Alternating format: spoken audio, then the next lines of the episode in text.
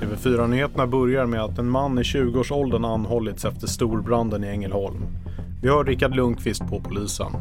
En man eh, greps under natten och blev sedermera anhållen nu på morgonen eh, efter förhör och kontakt med åklagare. Och, eh, utredningen är nu eh, ledd av eh, åklagare med tanke på att, att det finns en anhållen.